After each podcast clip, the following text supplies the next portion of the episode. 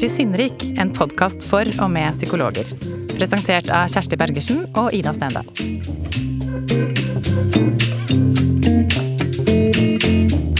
Mitt inntrykk er at mange som jobber med psykisk helse i spesialisthelsetjenesten, i kommunen eller i Nav, opplever at det butter på de samme stedene, og skulle gjerne fått ideer på løsninger fra andre. Men finnes det arenaer der man kan lære av andres gode grep, eller må man finne opp kruttet selv? I Sinnrik brenner vi for å dele godt arbeid, og denne gang har vi besøkt DPS Groruddalen og fått høre om hvordan de løste et problem de hadde i arbeidet med klienter med komplekse vansker, og hvor mange tjenester er involvert. Og løsningen dreide seg om å få til bedre, ja, du gjettet riktig, samhandling. Å få til god samhandling på tvers av tjenester ser ut til å være noe mange strever med. Ja, det er til og med skrevet bøker om samhandling, og det arrangeres store konferanser. Hvorfor blir det så vanskelig? Det vi likte med det de har fått til i Groruddalen, er at det på en måte virket så enkelt og at det ikke bare var et lederstyrt prosjekt, men et endringsarbeid hvor initiativet kom fra dem som kjente at skoen trykket, noe konkret som den enkelte DPS-behandler og Nav-veileder kunne benytte. Og så bare satte de i gang med å gjøre noe på en ny måte. I denne episoden skal du få høre om Samhandlingsdrop-in, Samhandlingstorg og Nav kontordag på DPS.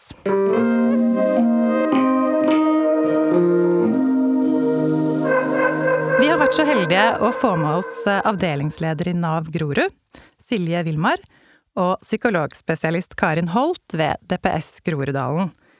To engasjerte fagpersoner som fant ut at de måtte få til noe sammen for å kunne gi et samkjørt tilbud til sine klienter med sammensatte vansker.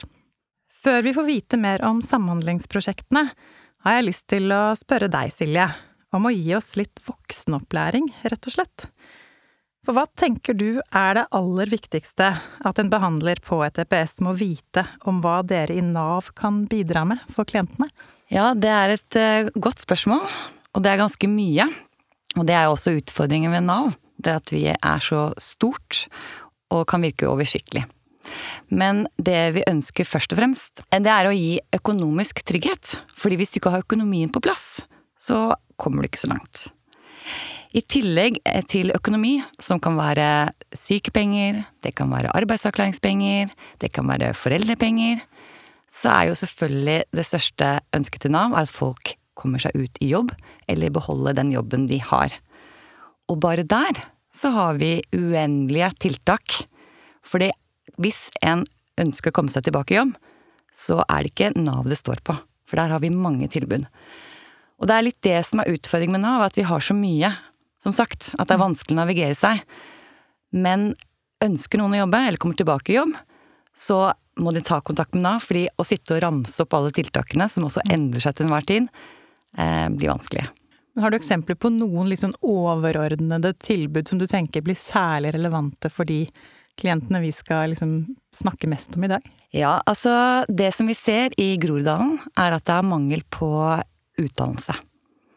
Eh, og det er en stor utfordring, for kan du f.eks. ikke norsk, som er et stort krav i dagens arbeidsmarked, eller du ikke har en eh, utdannelse over det å ha fullført videregående, ikke har fullført videregående skole engang, mm. så kommer du ikke langt. Så det vi er veldig opptatt av, er å gi mulighetene til de innbyggerne at de kan ta utdannelse. Så vi kartlegger har de fullført videregående, har de ikke det, så må vi sette i gang der. Og det er jo spesielt de unge under 30 år som vi ser på Nav har utfordringer med å ha fullført videregående. Men igjen, da, så ser vi for eksempel at det å ta privat er mye mer suksess enn det å gå vanlig videregående skole med, for, med andre. Eh, så fordi at det har du prøvd så mm. mange ganger, og det får det ikke til. Eh, og så har vi eksempel mentorordning, som gjør at de skal klare eksamene sine. Det kan være mange som ikke vet om. Trenger litt eh, ekstra undervisning for å fullføre. Det er mange, mange, mange tiltak. Så vi bruker jo også tiltakene som er der ute, altså som voksenopplæringen, som normal skolegang. Eh, og så er det et annet ting som, som Nav brenner for, er lønnstilskudd. Fordi det er mange der ute som har en nedsatt funksjon. Altså de klarer ikke helt å være eh, 100 i en jobb. Eh, de klarer å være på jobb eh, i arbeidstiden, men de klarer ikke å yte helt det som kreves. Og da kan arbeidsgiveren få et tilskudd av Nav, slik at de kan faktisk produsere det de klarer. Men vi dekker det tapet som arbeidsgiver får, da. Så det er bare to eksempler, eller tre eksempler, på hva Nav kan tilby. Og så har vi mange, mange andre tiltak i ja. ja. Så fint. For det er jo kanskje litt sånn at eh, god samhandling også handler om å bli litt kjent med hverandre.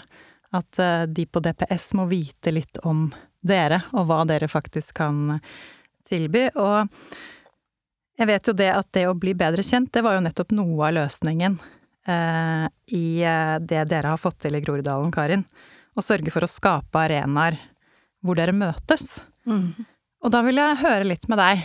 Hva var det som var problemet? Altså før dere startet disse samhandlingsprosjektene, som vi så vidt eh, nevnte i stad. Hvorfor eh, satte dere i gang med dette? Det er jo det at vi jo skal gi gode pasientforløp, som det nå heter, nasjonale pasientforløp, som tidligere het pakkeforløp. Det betyr at vi skal legge, legge, en god plan for det som skal tilbys pasienten, så lenge de er innskrevet hos oss. Og et stort problem, det var eh, hvordan kan vi egentlig best løse klientens problem og klientens behov? Så ser vi at da kommer det veldig an på hva slags type problem er det klienten har. Eh, pasienten, som vi ofte kaller den i DPS-verden. Noen av pasientene som kommer til oss og skal eh, få helsehjelp, de har en veldig konkret og avgrensa problemstilling som de trenger å få løst. Det kan for eksempel være en person som blir henvist på grunn av at den strever med uoppmerksomhet og uro. Denne pasienten er kanskje en student som Silje nå ga noen eksempler på, som står i fare for ikke å klare studiene hvis de ikke får hjelp med plagene. Mm. Og da vil jo en veldig sånn iøynefallende løsning for oss i spesialisthelsetjenesten da, på DPS, være at vi trenger å gjøre en ADHD-utredning. Finne ut om det handler om det. Med kanskje så etterpå en påfølgende medisinvurdering. Da er det et problem som kan løses ganske greit uten veldig mye samhandling utover fastlegen og spesialisthelsetjenesten og klienten selv. Mens for andre problemstillinger, eh, som ofte klienter, pasienter, kommer for å få helsehjelp for å få løst, eh, er de mer sammensatt. Jeg har jo nå etter hvert erfaring fra 22 år i psykisk helsevern i Oslo. Og der har jo jeg faktisk, har jeg sett, når jeg begynner å tenke tilbake, da, mest erfaring med nettopp mer sammensatte problemstillinger. Det vi tidligere nevnte denne studenten, det er ikke det mest typiske, har ikke vært det mest typiske i mitt arbeidsliv. Mer typisk kan være et eksempel på en pasient som er henvist på grunn av mye indre uro, stort stress, strev med søvn, depressive plager og angst, pluss at barndomstraumene begynner å blusse opp og gir flashback og mareritt. Men når pasienten kommer til meg, så viser det seg at dette er en person som er 100% sykemeldt og har vært det i ti måneder. Og det kommer frem at denne pasienten er en nyskilt trebarnsforelder som har fått problemer med økonomi, med bolig, og er i en pågående konflikt med den andre forelderen. Og da slår det oss jo at dette er en person med mer sammensatte, komplekse problemer som skal løses. Og da ser jeg veldig her trenger jeg klienten og fastlegen, også Nav, og kanskje også eh, kommunale tjenester. Mm. Og hvordan var det da for deg, før dere startet med dette samarbeidet, å begynne å samhandle med disse andre eh, aktørene for å hjelpe akkurat eh, denne pasienten? Hvordan sto det til med samhandlingen før? Altså, jeg syntes jo at det var det som var gøy, da. Og at det, var, at det veldig ofte fungerte veldig bra. Men så begynte jeg å se meg rundt.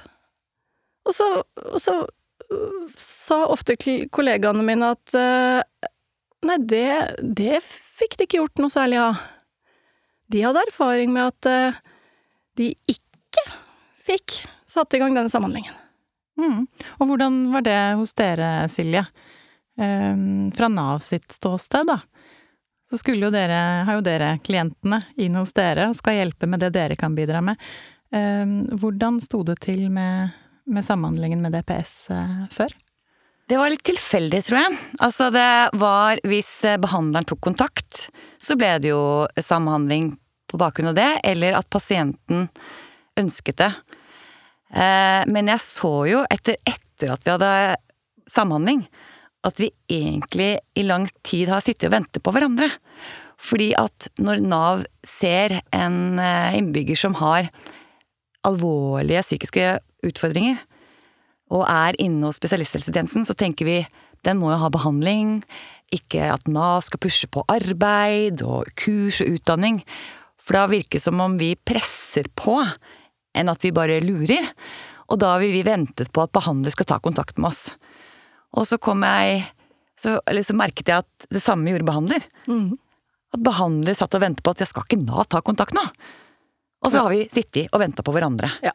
Mm. Og sittet i kø og lagt igjen beskjeder og ringt ja. opp igjen når ikke de, vi har hatt tid til å ta Nettopp. telefonen til ja. hverandre. Nei, jeg begynte jo å, å lure på har jeg misforstått? Er det Altså, ønsker egentlig Helsedirektoratet nå med disse pakkeforløpene jeg begynte å tenke på dette når det het det.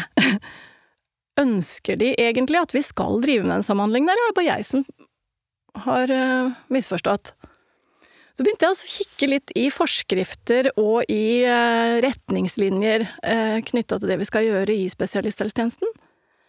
Og det er jo veldig tydelig skrevet, faktisk, at uh, i alle pasientforløp skal det sikres samarbeid med pårørende den er jo ofte grei, det vet vi, og eller andre instanser ut fra pasientens ønsker og behov.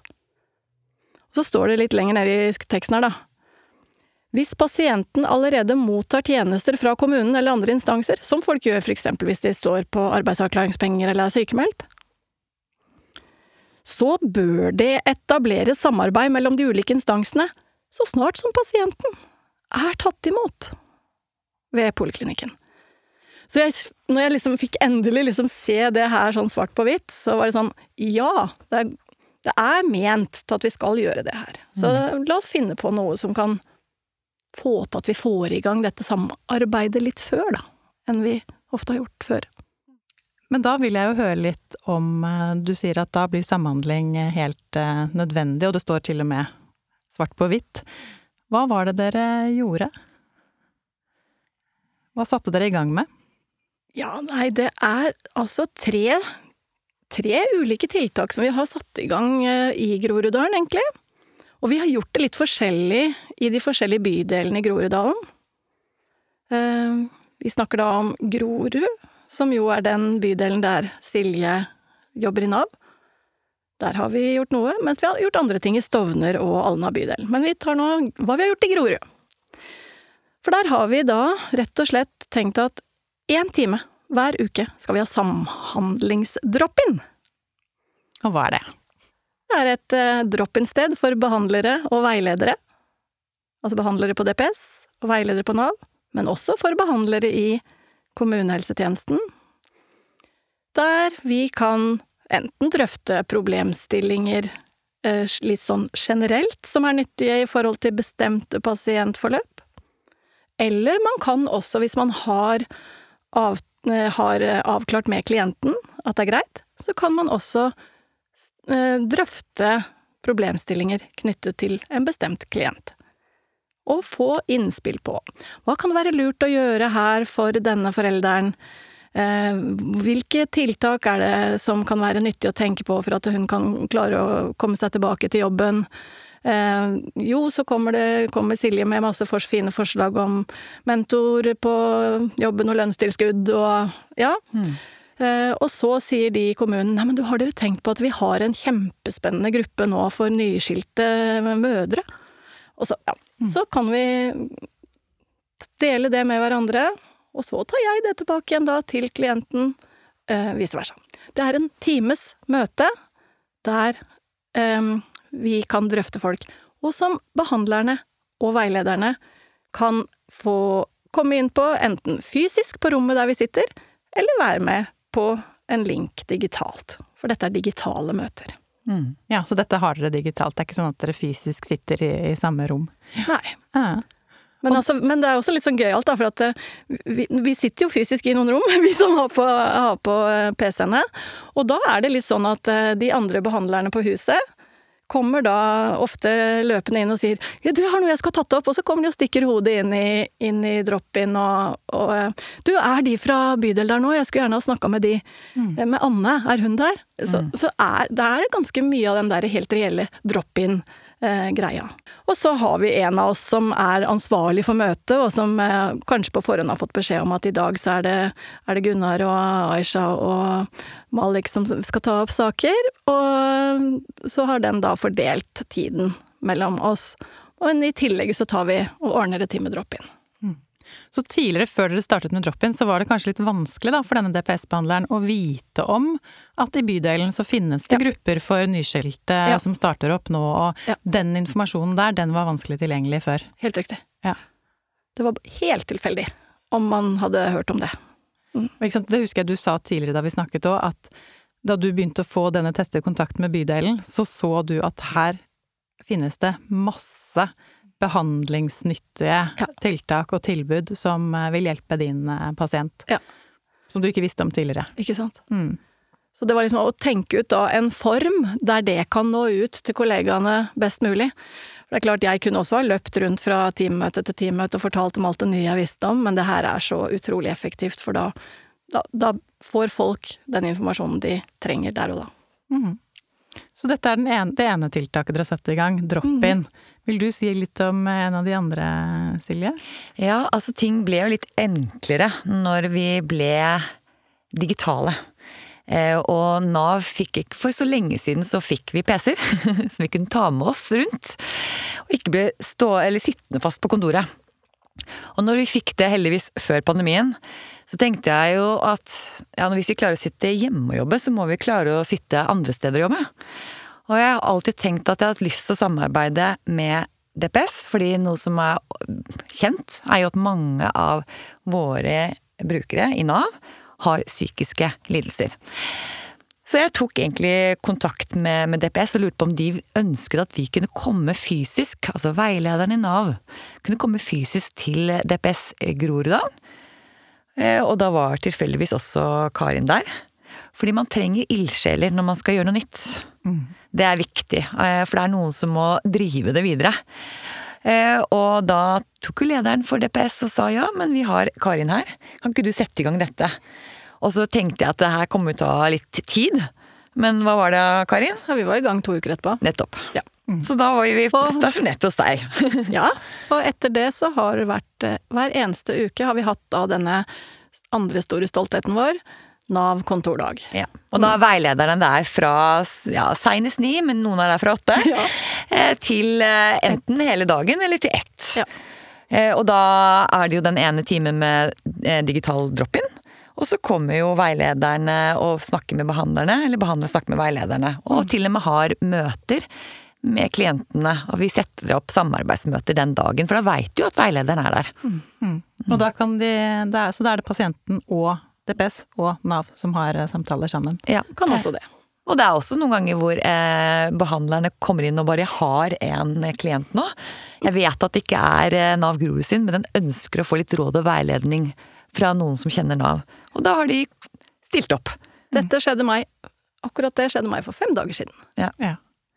Og det er det som er så fint med dette òg, at det er såpass uformelt. Mm. At det går an å få dekket behov som oppstår ganske sånn med en gang, uten at det skal være planlagt og sjekket og, mm. og ordnet med lang tid i forveien. Mm. For det blir jo da også utrolig viktig at Nav-veilederen kan da eh, komme til meg og si du, jeg skulle hatt tak i den eh, behandleren til eh, pasienten, sånn og sånn.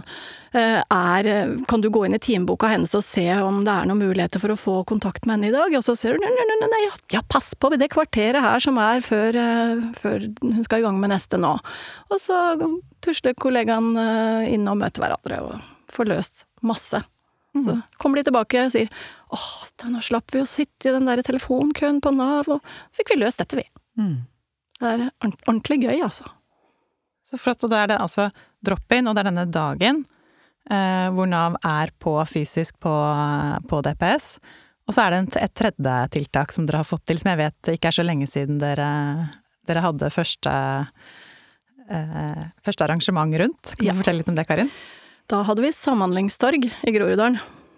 Vi hadde da det største rommet vi kunne finne på DPS-en, eh, som vi da sa at eh, hit kan eh, folk melde seg på til å komme og stille opp med en stand for å presentere tiltaket sitt, eller sin avdeling på DPS-et. Og så kan alle komme og tusle rundt som en annen Arendalsuke. og bli kjent med hverandre. Messe, Arendalsuke, altså you name it.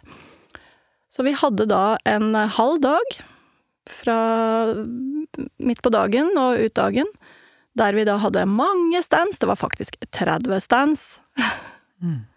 Med alt fra frivillige tjenester, DPS sine ulike avdelinger, rus, poliklinikk.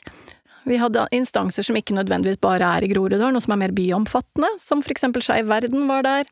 Eh, vi hadde en god del eh, av forskjellige kommunale tilbud fra alle bydelene våre, som ble presentert godt og bredt. Og ikke minst selvfølgelig Nav sine ulike tiltak, som, eh, som ble presentert bredt. Og viktig, viktig å få fram, dette var et arrangement for alle som måtte ha lyst til å komme.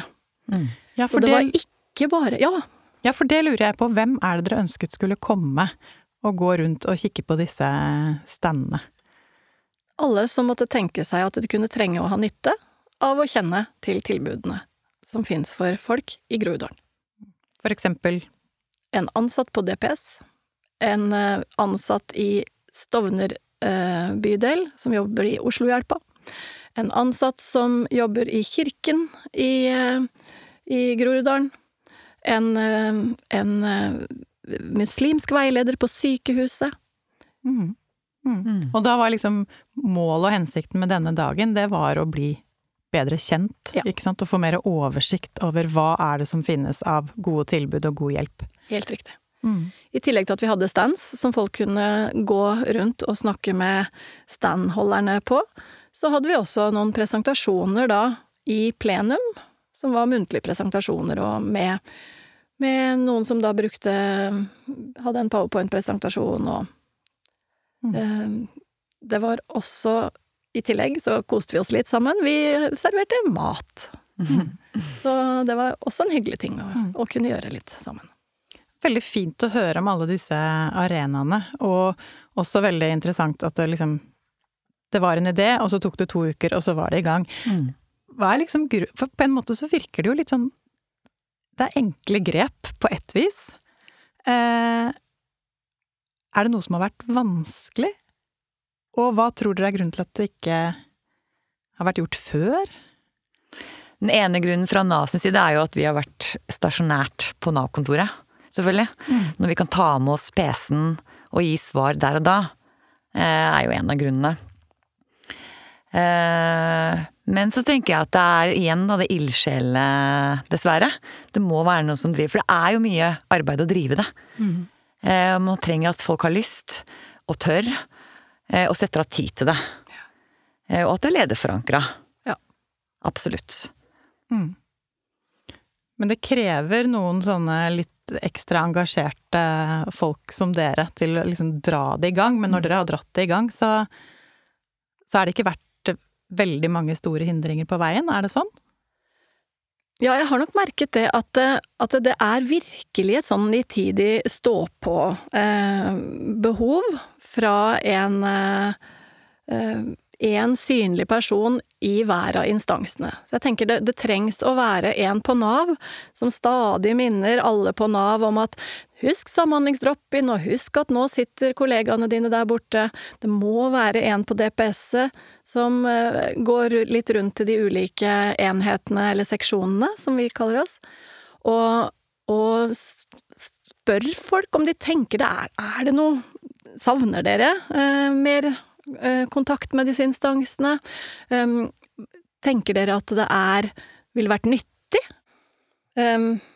Og så må det være en som eh, gjør, gjør de samme tingene på DPS-et. Eh, går til behandlerne, går inn i de ulike seksjonene og snakker med behandlerne om Tenker dere det ville vært nyttig og visst mer om hvilke mulige tiltak klienten din har hos Nav? Um, eller tenker du kanskje at det eh, Eller for, si litt hvordan du tenker om, om det denne klienten trenger. Eh, for det er litt ulik forståelse av hva som er oppdraget vårt. Og det må jo den enkelte behandler få, få ha. Men noen ganger så kan vi ha, være nysgjerrig på å bli utfordret litt på det. Og tenke ja, eller kanskje jeg kan faktisk sette i gang samtidig med både den terapien som jeg så godt er i gang med sammen med klienten, som hun har lengta etter så lenge. Men mens vi gjør det, at hun går også på et jobbsøkerkurs hos Nav, at hun kanskje prøver seg på noen intervjuer, kommer tilbake til meg som behandler, spør, eh, snakker med meg om erfaringene, jobber, vi jobber med den psykiske utfordringsbiten i det. Ja, altså jeg kan jo si en, selvfølgelig en ting til, altså, en utfordring. Mm. Eh, Nav er jo kjent for å ha store porteføljer. Det vil si at en veileder kan ha inntil 120 eh, brukere de følger opp med en ytelse, f.eks. Eh, det kan være på arbeidsavklaringspenger. Eh, et grep som vi har gjort på Nav Grorud, er at eh, de brukerne som har eh, psykiske utfordringer, har jeg ansatt noen med eh, psykologisk kompetanse. Eh, og jeg har nå eh, fire stykker, som gjør at de har jo kun den brukergruppen. Mm. Det er gjort fordi at eh, når man ser såpass alvorlige psykiske lidelser, så kan det jo virke skremmende for en Nav-veileder å vite hvordan skal jeg gå frem med denne brukeren, med denne diagnosen. Eh, sånn at når jeg har ansatt eh, fire stykker som har en begrenset portefølje med dette, så er det selvfølgelig mye lettere for behandlerne å få tak i veilederen på Nav, for det er ikke mange av de. Men på andre Nav-kontorer så kan det være åtte veiledere. Eh, som er spredd, brukerne er spredd på åtte veiledere, men hos meg hos fire. Så det er et enkelt grep jeg har gjort som leder, som gjør at det er lettere å samhandle med DPS. Mm. Og da tankene og holdningene hos behandlerne om nytten i en sånn samhandling blir kanskje lettere å se, når man ser da at det er eh, den eh, veilederen som sitter på Nav der, det er jo en person med en samme faglig bakgrunn som meg selv. Så jeg mm. tror det har vært en veldig, veldig et veldig stort pluss, da. Jeg tror ikke det er noen forutsetning for å få det til, men det er et veldig stort pluss som vi har hatt mye glede av mm. på Grorud. Mm. Mm. Etter at vi eh, var hos dere, så begynte vi å tenke litt på om dette vil se annerledes ut, altså denne samhandlingen mellom Nav og DPS, andre steder i landet. Eh, nå er vi jo med dere i Groruddalen. På et mindre sted, for tenker, har dere noen tanker om det? Det som er interessant for meg, er jo at eh, jeg samarbeider med tre ulike bydeler i Groruddalen. Mm. Og jeg ser jo at det, det er helt forskjellig på de tre stedene. Så svaret er vel egentlig bare ja dette må gå seg til med de eh, veilederne som jobber på det Nav-kontoret, den lederen og, og de DPS-ansatte. Men at det først og fremst handler om å få fram både Nav-veilederens og behandlerens ønske om å jobbe helhetlig, raskest mulig, dele på ansvaret eh, til det beste for klienten. Så vil det, måten være litt forskjellig fra sted til sted. Mm. Antagelig så finnes det mange eksempler på gode løsninger rundt mm. omkring eh, i landet. Vi spurte faktisk før vi skulle ha denne samtalen i studio i dag, eh, følgerne våre på Instagram om de ville dele sine samhandlingsprosjekter med oss. Og vi fikk inn noen eh, eksempler. De var alle fra barnefeltet. Mm. Eh, kanskje interessant i seg selv, jeg vet ikke. Eh, med prosjekter da satt i gang for å bedre samhandlingen mellom BUP og kommune. Mm. Eh, et eksempel var fra Nick Wold i Oslo, hvor de har hatt inntak ute i bydelene Eh, over, over Øvre Romerike, som vi også var et eksempel om et all in-prosjekt, som de kalte det der. Eh, litt det samme, altså kommunikasjon og samhandling, kommune, BUP. Det var for øvrig også et prosjekt som ble nevnt i den forrige episoden vår av mm. Hvor ja. en av psykologene der, Therese, snakket en del om det. Så det er mulig å, å høre på den episoden og få vite mer om det prosjektet. Jeg tenker det er jo litt sånn viktig å, å la seg inspirere av hverandre. Mm. Um, og hvis du som hører på har lyst til å dele noen flere sånne type prosjekter og ideer, så er det bare å gjøre det på, på Instagrammen vår. Uh, og jeg har lyst til å gå litt, sånn, litt inn for landing eh, i denne samtalen vi har her om, om dere i Groruddalen.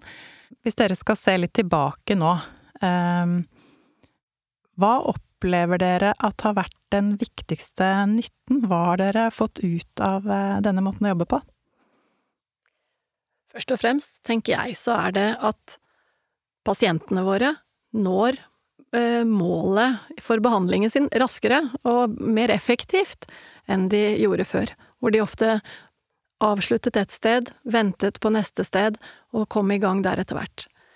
Nå kan vi sette i gang ting parallelt, og folk eh, får faktisk raskere komme seg tilbake i farta igjen. Mm. Eh, veilederne hos meg har jo sagt det samme. Eh, nå venter jo ikke vi på hverandre lenger, nå snakker vi sammen tidlig. Eh, og at vi kommer raskere i gang. Eh, veilederne sier at eh, de får oppdateringer som vi ikke fikk før. Så de opplever at det, eh, brukerne deres får bedre oppfølging. Fordi at de er mer involvert, og gjør at man kommer på ting litt raskere. Alle utdanning eller kurs, eller om det skulle være her må vi sette i gang norsk selv om det går i behandling. Fordi selv om de skal ut i arbeid, så trenger vi ikke å vente på en jobb. Vi kan jo sette masse tiltak før den tid kommer. Så de opplever at de faktisk gir bedre oppfølging til brukerne sine. Og det er jo sånn at eh, pasientene gir uttrykk for at de ønsker at vi skal samarbeide mm. mer på tvers av instansene. Mm. De setter pris på at vi, veilederne, og behandlerne snakker med hverandre. Mm. Og dette med, som har vært mye snakk om opp gjennom tidene, med taushetsplikten som hindrer oss i samhandling, mm. det syns jeg bare vi har fått gjort veldig til skamme. Det mm. gjelder bare å spørre folk. Mm. Er det greit eh, mm. at jeg nå kontakter eh, AAP-veilederen din? Eh, du har sikkert tillit til at jeg eh, ikke deler mer enn nødvendig, men at vi snakker med hverandre for å hjelpe deg. Mm. Ja, selvfølgelig, er veldig ofte svaret. Mm. Mm. Nydelig for meg om dere ordner opp litt grann, dette. dette. Og så mm. Ja. Sånn at det med taushetsplikt har jeg ikke opplevd som noen hindring overhodet. Mm. Og så er det jo dette med å Det må jo være litt annerledes da å kunne jobbe litt mer sammen med andre, mm. andre utenfor sin egen arbeidssetting også? Ja. Altså, først og fremst så vil jeg si at eh, jeg ser både veilederne på Nav og oss behandlerne kjenne en lettelse i det å være sammen om et uh, ansvar. Mm. På å gi den gode og beste, beste hjelpen til klientene. Sånn at delt ansvar, istedenfor å bære det, være aleine om det sammen med uh, klienten, er veldig positivt og godt for folk. Og så har jeg rett og slett inntrykk av at folk trives godt med å bli kjent med andre kollegaer på, i andre tjenester, og syns det er gøy. Ja, det gjør at vi sam, altså fremsnakker hverandre. Ja. Ikke sant? Eh, altså det er jo, som vi har kjent, at mange klienter er, syns Nav er skummelt. Mm. Eh, og det samme opplever jo vi på Nav, at det er mange som er kanskje misfornøyde med helsetjenesten. Mm. Men når vi kjenner hverandre, så er det jo lettere å framsnakke hverandre. Ja. Så det er jo også en positiv eh, ting som har skjedd ut fra dette. Ja. arbeidet. Mm. Da vil jeg si tusen takk til dere begge to for at dere ville være med oss i dag. Takk. Takk. Tusen takk for at vi fikk komme. Du har lyttet til Sinnrik, en podkast fra Gyllendal Psykologi. Dagens gjester var Silje Vilmar og Karin Holt. Produsent var Andrea Krüger, og musikken var ved Johannes Amble. Programleder har vært meg, Ida Stendal. Vi hører gjerne fra deg om du har innspill til temaer du vil at vi tar opp i podkasten, eller har tilbakemeldinger til akkurat denne episoden. Og for å gjøre det, så må du følge oss på Instagram, Sinnrik podkast. Her blir du også oppdatert på nye episoder, og får lesetips til tematikk som vi tar opp. Takk for at du hørte på.